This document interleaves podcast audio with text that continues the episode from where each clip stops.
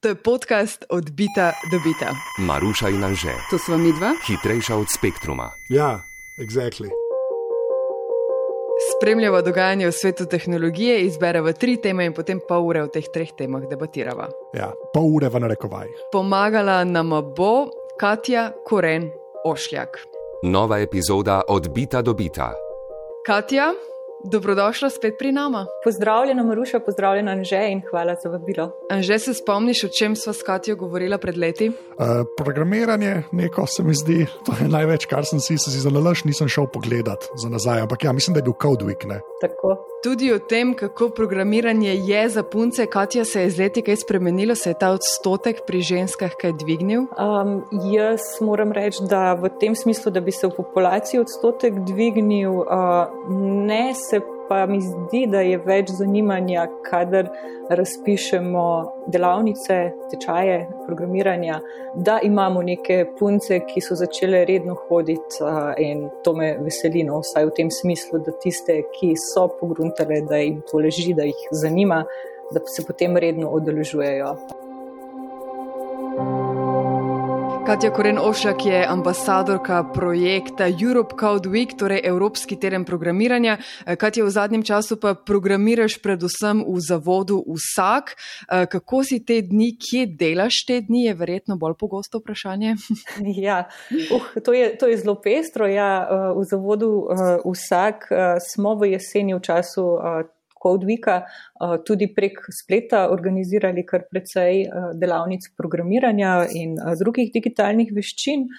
Poleg tega pa se mi je zdaj tudi občasno oziroma z eno nogo na fakulteti za družbene vede kot raziskovalka na projektu Medijski repertoarji mladih.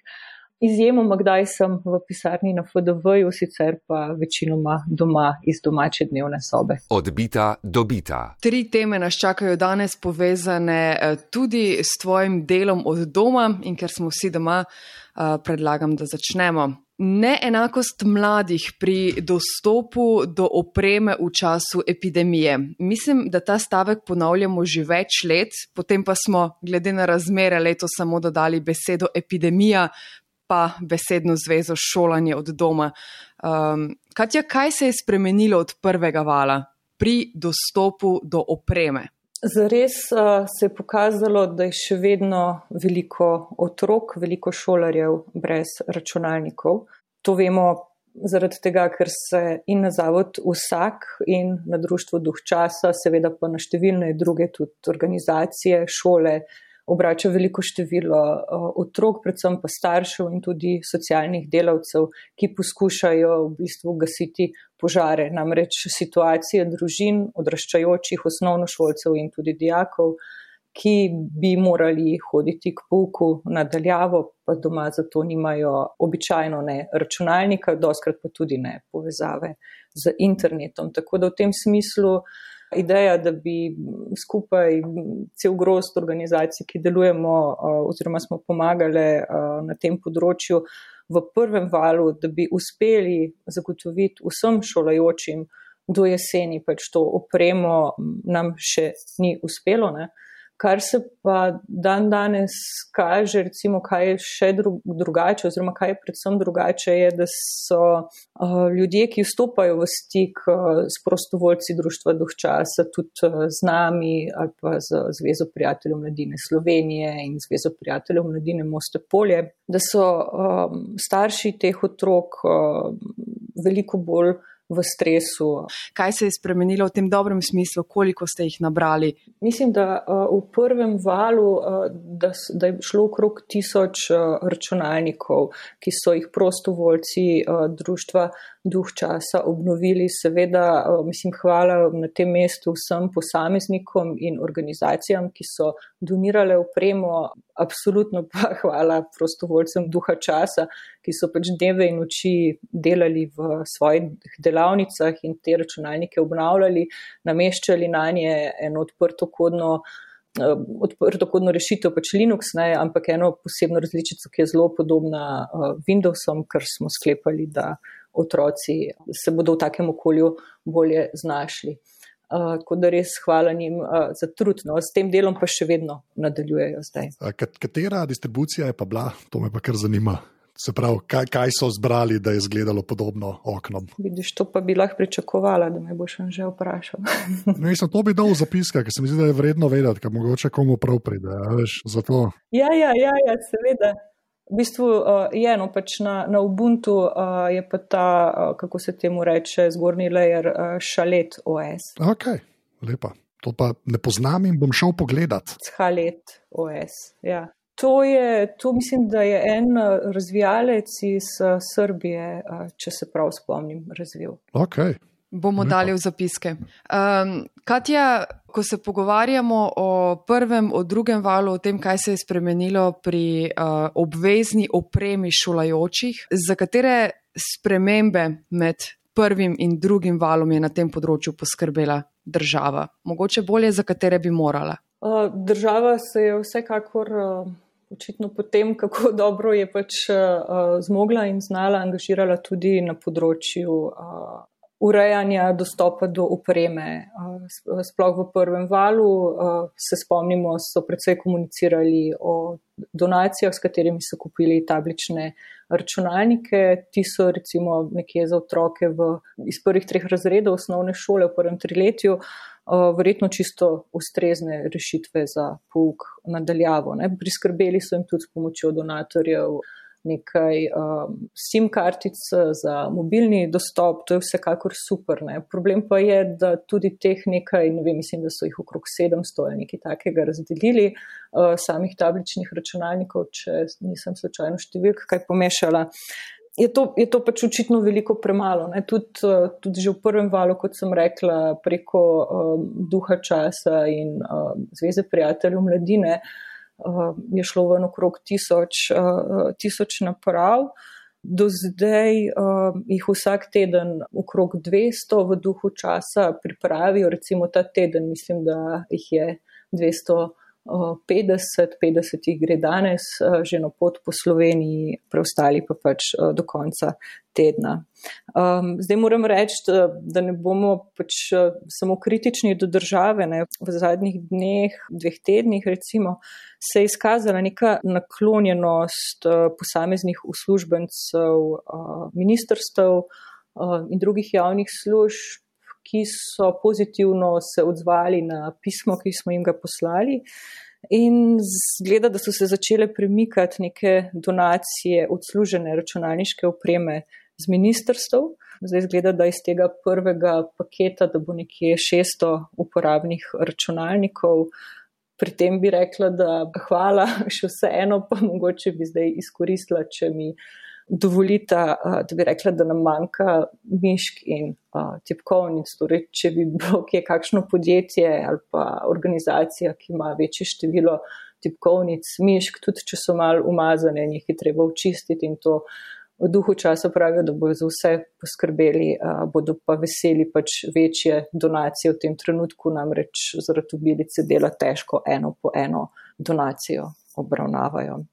Uh, skratka, v tem smislu, ja, no, vse tudi v državi stvari uh, premikajo, ne, um, je res težko in mislim, da je neverjetno, kako se zdaj razkriva podhranjenost. Ta digitalni razkorak, v bistvu najbolj osnoven pri dostopu do opreme, do dostopu tudi do interneta v Sloveniji. Ne. Jaz si kaj takega, um, dokler nismo prišli do te krize, res nisem predstavljala, da je toliko težav, toliko problemov. Ne. Operaterje smo mi dva že spraševala v eni izmed prejšnjih eh, epizod, sicer zato, ker smo se pogovarjali o 5G-ju in uh, razmišljali o tem, kakšen je odgovor operaterjev na bele lise v, v državi, uh, pa sta predstavnika A1 Slovenije in Telekoma Slovenije državi sporočila, da bi morala država za to poskrbeti. Kaj ti misliš, kdo, kdaj, kako, kako bi morali razmišljati, da bi lahko otroci danes imeli dostop do internetne povezave? Ja, um, mogoče bo to malo aktivistično, pa naivno zvenelo, ampak uh, jaz mislim, da je dostop do interneta v bistvu del človekove temeljne neke komunikacijske pravice. To je osnovna infrastruktura do katere bi morali vsi imeti dostop, tako kot uh, moramo vsi imeti dostop do čiste vode, naprimer. To bi bila neka osnovna, osnovna socialna drža države, v kateri živimo, v kateri ustvarjamo, jo, razvijamo, tudi ne na zadnje plačujemo davke. Ne? Tako da v tem smislu neke bele lise nepokritosti z bodi si z optičnim omrežjem, bodi si z brežičnim omrežjem, ki omogoča ljudem, da delajo karkoli, ne samo, da se izobražujejo. Ne. Bi mogel biti, kaj ne rečem, pač osnovna raven, da, um, da, bi, da bi lahko okolju sploh rekli, da je ustrezno za bivanje, ne, da je poskrbljeno za neko osnovno komunalo, ne, če, če tako rečem. To je, to je iskreno moj pogled, ne, seveda pa mislim, da bi mogoče tudi sami operaterji lahko bili ne, to je spet nadaljevanje moje naivnosti, um, operaterji lahko bili malce tudi zainteresirani, da sami to pokrijejo. Um, se pravi, da če delujejo na nekem tržišču, ne, da ne delujejo samo skozi tržni princip, ampak tudi skozi uh, principe uh, vrednote nekega družbenega dobrega. Vse, kar bi jaz hotel reči, ti rekla. Ampak me pa vsakeč znova boli, ko se moramo s tem sploh ukvarjati v resnici. Ne. Zdaj pa, ko se pogovarja z mladimi, ko delate, ne, kakšne so posledice digitalne ločnice med nami. Zdaj, seveda, eno je, nekdo nima interneta, zdaj ne more imeti šole nadaljavo. Ne? A je še kakšna taka stvar, ki bi jo lahko izpostavila? Ja, tudi, uh, tudi izključenost. Ne? Recimo pametni telefon, ta večna. Večna povezanost ne, uh, je en uh, kanal oziroma prostor, v katerem se dogaja zelo veliko vrstniških stvari. Ne. Danes, ko so mladi zaprti praktično v svoje sobe, ko ni več niti uh, šolskega igrišča, šolskega dvorišča oziroma dvorišča pred blokom. Se je še toliko več njihove komunikacije preselilo na Viber, pa ne vem, pa tudi WhatsApp, pa Snapchat, pa, pa TikTok in tako dalje. Ja, kolikor pač nimaš svojega, svoje naprave, a ne ki je v bistvu kot nek portal, s katerim vstopiš v prostor, kjer se lahko družiš s svojimi vrstniki, ne, so potem ti mladi še od tega odrezanja. Ne. Se pravi, ne samo, da, imajo, da teže sledijo pouku, včasih sploh ne morejo slediti pouku, še ta socialni vidik, družabni vidik. To so stvari, za katere mislim, da se bo šele čez po koncu epidemije zares pokazalo, kako globoko so mlade prizadele. Um, ja, šola, nadaljavo, logično nadaljevanje tega, da se pogovarjamo o opremi, ki jo nujno potrebujejo šolari. Zdaj že imamo nekaj izkušenj, Katja, tudi ti osebno, ne? če se vse se učiš od doma, naj jo zanima. Ja, ja, jaz sem v bistvu z šolanjem nadaljavo zdaj uh, super dvojne izkušnje. Na eni strani rečemo temu kot uh, učiteljica, na drugi strani kot učenka. Kot učenka jaz trenutno obiskujem uh, tečaj japonščine, ki je pač od spomladi že nadaljavo prek Zuma. Pa moram reči, da v tem kontekstu uh, zadeva še kar uh, dobro funkcionira, uh, razen tega, da imamo vedno pogovore o tem, kako zdaj kdo deli zaslon, pa pokaže, kaj je napisal in tako naprej. Kot učiteljica pa uh, ja, smo že v jeseni izvedli nekaj delavnic Kodvika z otroki. Ki so bile zelo dobro sprejete, vse je tam pokazal en trend oziroma ena značilnost, ki se mi zdi, da je sploh pač ena stranska značilnost, posledica izobraževanja nadaljavo. Otroci so prišli na kodvig delavnice programiranja, imeli so se super, ampak sploh z mlajšimi, tistimi starimi 8 do recimo 11 let, je vse čas pridno sedel tudi en starš.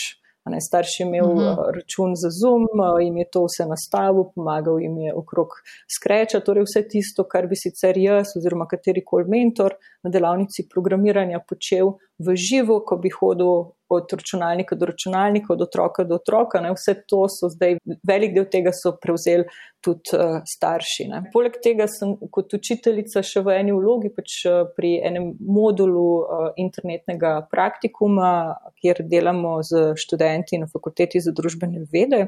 Upam, da tam brez staršev. Bre, da, brez staršev.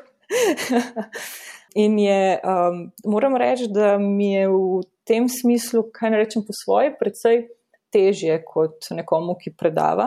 Prva stvar, ki recimo je skoraj neka frustracija, je to pomankanje feedbacka, odziva. Ne? Mogoče na začetku še prežgemo kamero, da se pozdravimo, potem pa ugasnemo kamero in izklopimo mikrofon. In uh, potem si predstavljate, da vam jaz tam skupino študentov, ki poslušajo moja predavanja, in vsi so na mute, uh, vse je tiho, ničesar ne vidim, in jaz govorim, in potem tako zelo to najeda predavateljevo samozavestno, ker ti nobenega feedbacka, pa ne veš, ti je vmes uh, internet dol padel ali uh, je čist brez veze, pa nikogar ne zanima. Ne.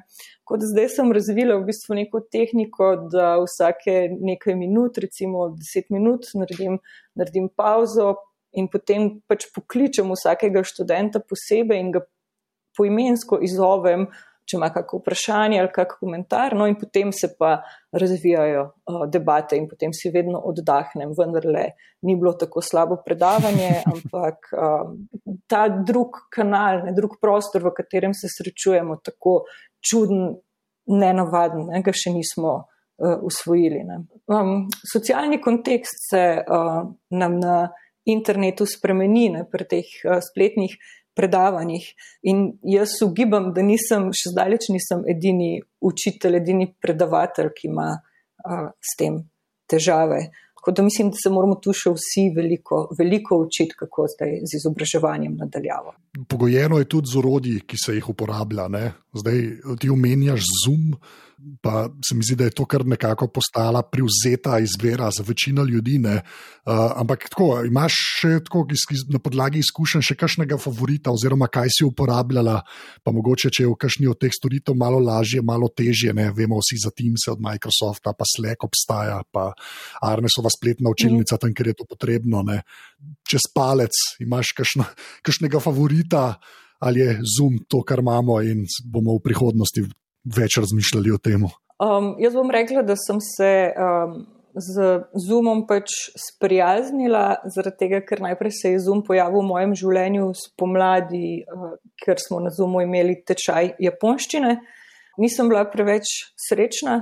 Ja, spomladi sem uh, poskušala na, na našem tečaju japonščine prodati Arnes v Džici, uh, torej ta, mislim, da je iVit Arnes, uh, ali kako je že domena ker je uh, res preprost, ampak uh, iz nekih posredno posredovanih negativnih izkušenj, torej nekdo, ki je na tem tečaju, je rekel, da to je slišal, da je res slabo. Uh, smo potem ostali na Zoomu. No, pol, zdaj, realnost taka pa je, da tudi prek Univerze v Ljubljani dostopamo do Zooma, oziroma se je to v tem okolju kot nek, neka prevzeta rešitev za predavanje vzpostavlja. Ne? In uh, v bistvu ta zoom nekako uporabljam, ker ga zdaj vsi poznajo. Ker je zaradi tega manj težav. Moram pa tudi reči, da se mi zdi, da je v zadnje pol leta Zoom tudi mičken manj zoprn mi postal. Zdaj, ko si že omenil Teams, jaz Teamsov nisem uh, nikoli uporabljala,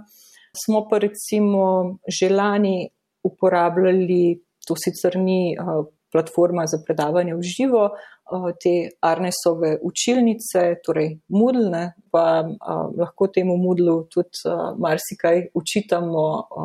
Skratka, ni, nihče tam ni investiral veliko energije v razvoj nekega uporabniškega umestnika, ki bi učencem in učiteljem pač olajšal delo pri uporabi teh učilnic. Sicer pa ja, v preteklosti, torej do zoom faze, do zoom epidemije, uh, je bil pa verjetno moj prevzeti kanal za um, konference in delo in dogovore nadaljavo, uh, so bili pa hangoutsi, oziroma zdaj mislim, da hangoutsi ne obstajajo več, da je Google Meet, ne, če, uh mhm. -huh. če prav razumem.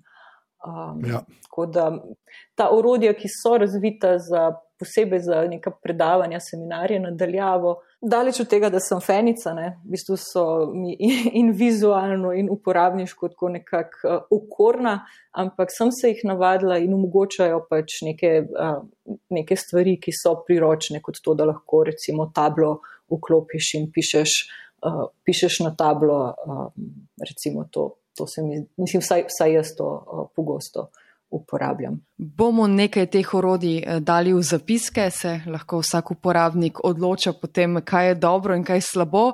Mogoče poznata pobudo. Na Tehnozvezdju sem brala, da so eh, Britanci pred leti upeljali program učenja digitalnih veščin eh, in tako na različne načine začeli spodbujati učenje programiranja na nacionalni ravni, če sem prav razumela. Eh, med drugim je pred leti na pobudo BBC-ja nastal kartični računalnik Microbit.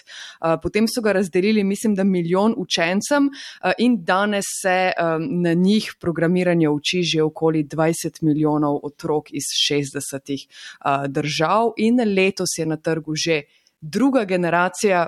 Zakaj bi naj bil to računalnik namenjen otrokom? Zelo je preprost za res za, za sprogramirati, za uporabo. Namreč ta računalnik eh, po eni strani združuje ta hardverski vidik, ne, to je pač ploščica, na kateri je zaslonček oziroma zaslonček, ki ni nič drugega kot kvadrat oziroma polje iz led žarnic. Nan se da priklapljati različne um, dodatke, zvočnike, uh, dodatne lučke, um, elektromotorčke in tako naprej. Tisto, kar pa naredi zadevo privlačno oziroma dovolj preprosto, da se otrok, torej nek popoln začetnik, začne učiti programiranja, je pa spletni umestnik, eh, na katerem podobno kot pri Scratchu, ne, torej z nekimi vizualnimi bloki, sestavljaš uh, programsko kodo oziroma um, računalniški program, ki ga potem preko, prek kabla naložiš na mikrobit in uh, mikrobit potem to to kodo izvaja. Se pravi, če sem rekla, da imaš na njem displejček, ki ga sestavlja v bistvu ta mreža let eh, žarnic, eh, lahko animacijo, lahko te žarnice razmeroma enostavno sprogramiraš in potem se ta koda izvaja eh, oziroma se te žarnice, tvoj light show recimo, prižiga. Na mikrobitu. Ja, všeč mi je, da si petim ledicam rekla light show. To so pa izkušnje učiteljice, ki otrokom uh, mora prodajati, uh, kaj vse dobrega se da narediti s tehnologijo, mogoče pa pomaga, pa koga stimulira. Jaz verjamem, da pomaga, sem super, se mi zdi, no, tako da je bilo razloženo. Tudi za najo dva, čist po pravici povedano. Um, a pa bi izpostavil lahko vsaj kakšno prednost tega šolanja, predavanja, učenja nadaljavo. Tako, a je kakšna reč, ki pa mogoče je v po, koraku pozitivno smer proti nečemu, kar se dogaja v živo, ali je več ali manj vse kompromis?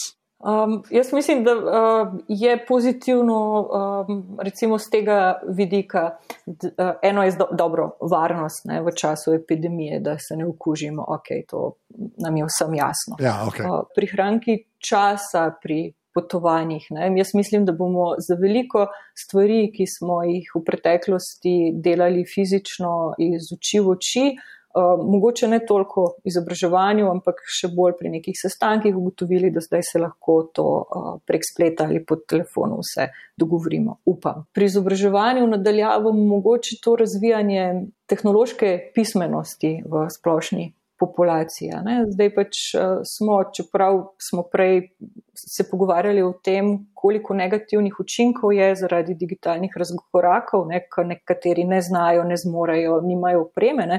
ampak če damo uh, to debato ob stran, ne? v splošnem bomo pa vsi pridobili cel kup uh, nekih tehnoloških informacijskih veščin. V tem smislu uh, bomo gotovo nekaj pridobili in je to uh, šolanje nadaljavo, recimo tudi dobro. Zdaj, z, z pedagoškega, z didaktičnega vidika, pa ne vem, mislim, da se moramo tu še vsi uh, veliko naučiti, uh, da bomo uh, bolje ta kanal izkoriščali za predavanja nadaljavo. Odbita, dobita. Na koncu nekaj korakov stran od vsega povedanega, v svet novih, ne nujno najcenejših računalnikov se pa sprašujemo, če so morda uh, najboljši. Uh, Anže, kaj točno je novega pri novih Appleovih računalnikih? Uh, opazila sva jih seveda uh, tudi zato, ker so jih predstavili pred uh, kratkim, zelo aktualna tema. Ja, se tukaj bo Ka Katja, sklepam, da bo zelo podpirala ta razvoj, v, je, v katerega je Apple šel. Uh, pač novi sicer zdaj ti bolj osnovni njihovi modeli, se pravi Mac Mini, Air pa ta majhen Pro, uh, so dobili ARM procesorje, kar se je itak nakazovalo zdaj že zadnjih ne vem koliko let. Gre za v bistvu računalnike, ki nimajo AMD-jevih oziroma Intelovih procesorjev, kar pomeni, da so na arhitekturi ARM, za katero je treba čisto vsak program. Prilagoditi. Ne? In to zdaj, če bi se vi to pogovarjali leta 2000, bi bila to kar neka huda revolucija, glede na to, da imamo pa vsi v žepih nek telefon, ki ima zagotovo, razen zelo redkimi izjemami, in jaz sem tiste izjeme, nekatere tudi testiral in niso bile prav dobre, imajo čisto vsi ARM procesori. Ne? Tako da je bila to kar neka taka naravna evolucija. In to, kar je Apple predstavil, pa zdaj pa jaz tega ne rečem tako zelo lahkodušno, ne, ampak morda pomeni kar eno tako mini revolucijo, kar se tiče prenosnikov in pa tudi uh, stacionarnih računalnikov, ker ti ARM procesori, ker so bili narejeni v prvi vrsti za telefone, se pravi za mobilne naprave, so izjemno varčni, pač izjemno varčni in tudi izjemno hitri. Saj, ko uporabljajo pač enojedrne procese, ne, to je pa večina, kar večina ljudi počne na svojih računalnikih. In zdaj smo prišli pač v neko fazo v dobi teh uh, domačih računalnikov, ko vem, prenosnik zdrži po 15 ur. Ne? Zdaj sem to rekel čez palec, Apple se je s tem hvalil na predstavitvi, uh, zdaj sem pa tudi dobil potrditev, da temu je tako. Sem celo enega človeka vprašal, ki ima uh, ta računalnik doma. In to, to so pa številke, ki so bile do zdaj res rezervirane za vem, tablice in telefone, ne, ko se lahko pogovarjamo, telefon zdrži cel dan. Uh mhm. -huh. Pri prenosnikih vsi vemo, kako je. Dokler je na kablu, je super, ko ga pa odklopiš, pa začneš odštevati tiste 3-4, mogoče 5 ur, uh, naprej so vse skupaj končane. Ja, jaz, jaz uh, že dolgo nisem bil tako navdušen nad nekimi novimi procesori v računalnikih. Pa še enkrat, to govori človek, ki v življenju ni imel meka. Tako da, ja. Eh, da ne bo pomote. Res, v življenju nisem imel meka. Zato uh, si kredibilen. Ne? Poslušalci bi rekli, da jaz ne bi bila. ja, točno to. Ne? Res impresivna predstavitev, pa tudi vsi uh, podatki, ki zdaj prihajajo ven od teh bolj neodvisnih ljudi, ki to testirajo, vse več ali manj potrjujejo. Ne? Še vedno, kot je Maruša na začetku rekla, to so Appleovi računalniki. Tukaj je ta najcenejši, ki je Mac Mini, kjer ne dobiš tudi zaslona zraven, ne? Eh, stane 700 evrov, Air je okoli 1000 evrov. Ne pogovarjamo se o računalnikih, ki bi ga. Ker lahko zdaj vsak kupuje, ampak če boš le pa rečil uh, v to smer, ne, da bo ARM nekako prišel, mogoče tudi uh, v dosti cenejše naprave, ne, se nam pa obeta. Eh, kar neka nova era teh eh, prenosnikov in računalnikov. No. Seveda niso najcenejši, seveda so to Appleovi računalniki, ampak bi vseeno rekel, da se jih splača kupiti. Splača se jih kupiti tistim, ki imajo trenutno kakšnega starega MacBook Aira ne, in so gledali novega. Jaz mislim, da lahko mislim, bre, brez zadržkov rečem, da kupijo tega z M1 čipom, se pravi tem Appleovim čipom in ne tistih, ki imajo pač od Intela uh, procesorje noter. Anže pa ne bi rekel, uh, da mogoče previdno počakajo, ne vem, šest mesecev, če se izkaže kakšna, ne vem, uh, skrivna napakica, ki je mogoče v drugi generaciji ne bo več. Jaz sem namreč uh, ravno o tem razmišljala. No, jaz namreč imam MacBooka, ki sem ga kupila uh, v začetku 2016 uh, in počasi bo, uh, ga bo treba zamenjati. No, in sem tudi najprej bila navdušena, zdaj sem pa tako mal pivotiram na mestu ne, uh, uh, in se sprašujem, ali bi mogoče čakali na naslednjo generacijo M1. Jaz bi načeloma bi bil enako previden, kot si ti zdaj rekla, ampak se je tukaj ena par faktorjev, ki se jih mogoče splača upoštevati. Ne. In eno je to, da ta čip, ki je tukaj noter, ne, je, je v resnici. Zdaj zelo pošaljno to govorim, enak kot tisti, ki je bil že v iPadih in iPhone. Sprav gre za neko preverjeno tehnologijo, tukaj ne gre za revolucijo. Zdaj, unika bolj podrobno to sceno spremljamo, smo vedeli, da se bo to slejko prej zgodilo. Zaradi tega, ker že zdaj najnovejši iPadi in iPhoni so praktično v pač enojedrnih procesih hitrejši kot večina računalnikov, ki jih imamo mi doma. Ne? In to so v bistvu pač procesori, ki so že preverjeni na milijonih in milijonih naprav. Potem je pa tukaj tisti ključen del, ki je mogoče malo ne, še pobremza to željo, da bi mogoče raj tega, recimo, ti zbrala kot uh, tistega z Intelovim čipom. Ne. Je pa pač to, da uh, je, je bilo veliko vprašanje, kako bodo pač delovali programi, ki še niso bili prepisani ne, za ARM, ki so bili napisani samo za Intelove procesorje. Uh, ampak sem tudi tukaj, zdaj dobo toliko enega feedbacka, da več stvari pač delujejo. Apple je naredil ta umestnik Rosetta 2, ki pač prevede ne, v realnem času skoraj uh, programe. In, vem, jaz sem zdaj videl par teh uh, reviewjev, kjer ljudje, ne vem, Adobe, emulirane Adobe uporabljajo za montažo 4K videa. Ne. Mislim, zdaj ne vem, kaj točno vse ljudje počnejo na svojih računalnikih, ampak to gre za kar neko težko uporabo. Ne. Večina ljudi bo brez težav odprla Word in vse ostalo, ali pa Chrome ali pa Safari, ki je itak že preveden. Ne. Tako da res če veš, da delaš nekaj takega, uporabljaš nek program, ki bi mogoče bolj slabše tekel, ne, zato, ker gre za AM procesor, ja, potem se splača počakati. Ampak res, roko na srce, vse, kar sem slišal, tudi kar se te emulacije tiče za nekega poprečnega uporabnika, jaz, jaz ne bi več kupoval Intelovih uh, Mekov. No. Tista baterija in pa tudi hitrost. Uh, konkretna razloga, da se gre v to smer. Tako da, ja, a se bo potem lahko čez eno leto izkazalo, da ne vem, bo tipkovnica že spet za nič, ne? Mogoče, tako je bila v zadnji generaciji Appleovih MacBookov, ne? ampak že spet se mi zdi, ja, da so tudi pri Apple na to mislili, tega, ker ta R je narejen na podlagi, se pravi, zadnjega era, ki že ima ta novo tipkovnico, ki se ne kvari. Ne? Tako da nimam nekih ekstra, ekstra zadržkov. Res ga še nisem imel v roki, to je mogoče še edino, kar bom rekel. No, ampak sem pa, pa s parim, uh, mislim, pa teh par reviewov, ki jim zaupam, prebral, pa govoril z nekom, ki mu res zaupam, ki ga celo ima. Ne, in, in res, tako, moj bog, no, tole je kar, kar v redu, se reče temu strokovno. No. Zdaj poziv tudi za poslušalce, če ga kdo že ima, naj se na maskatijo oglasi, preden opravijo kak drak na kupno.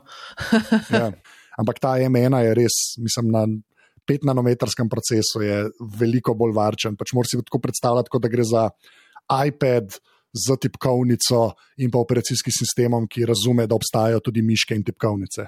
Tako, to, kar je tukaj Apple uspelo, je, je, je kar neka velika stvar. No. Uh mhm. -huh. Res, mislim, težko bo najti neke konkretne razloge, zakaj Intelove uh, meke kupovati. No. Kaj ti je sporočeno, no, ko menjaš računalnik?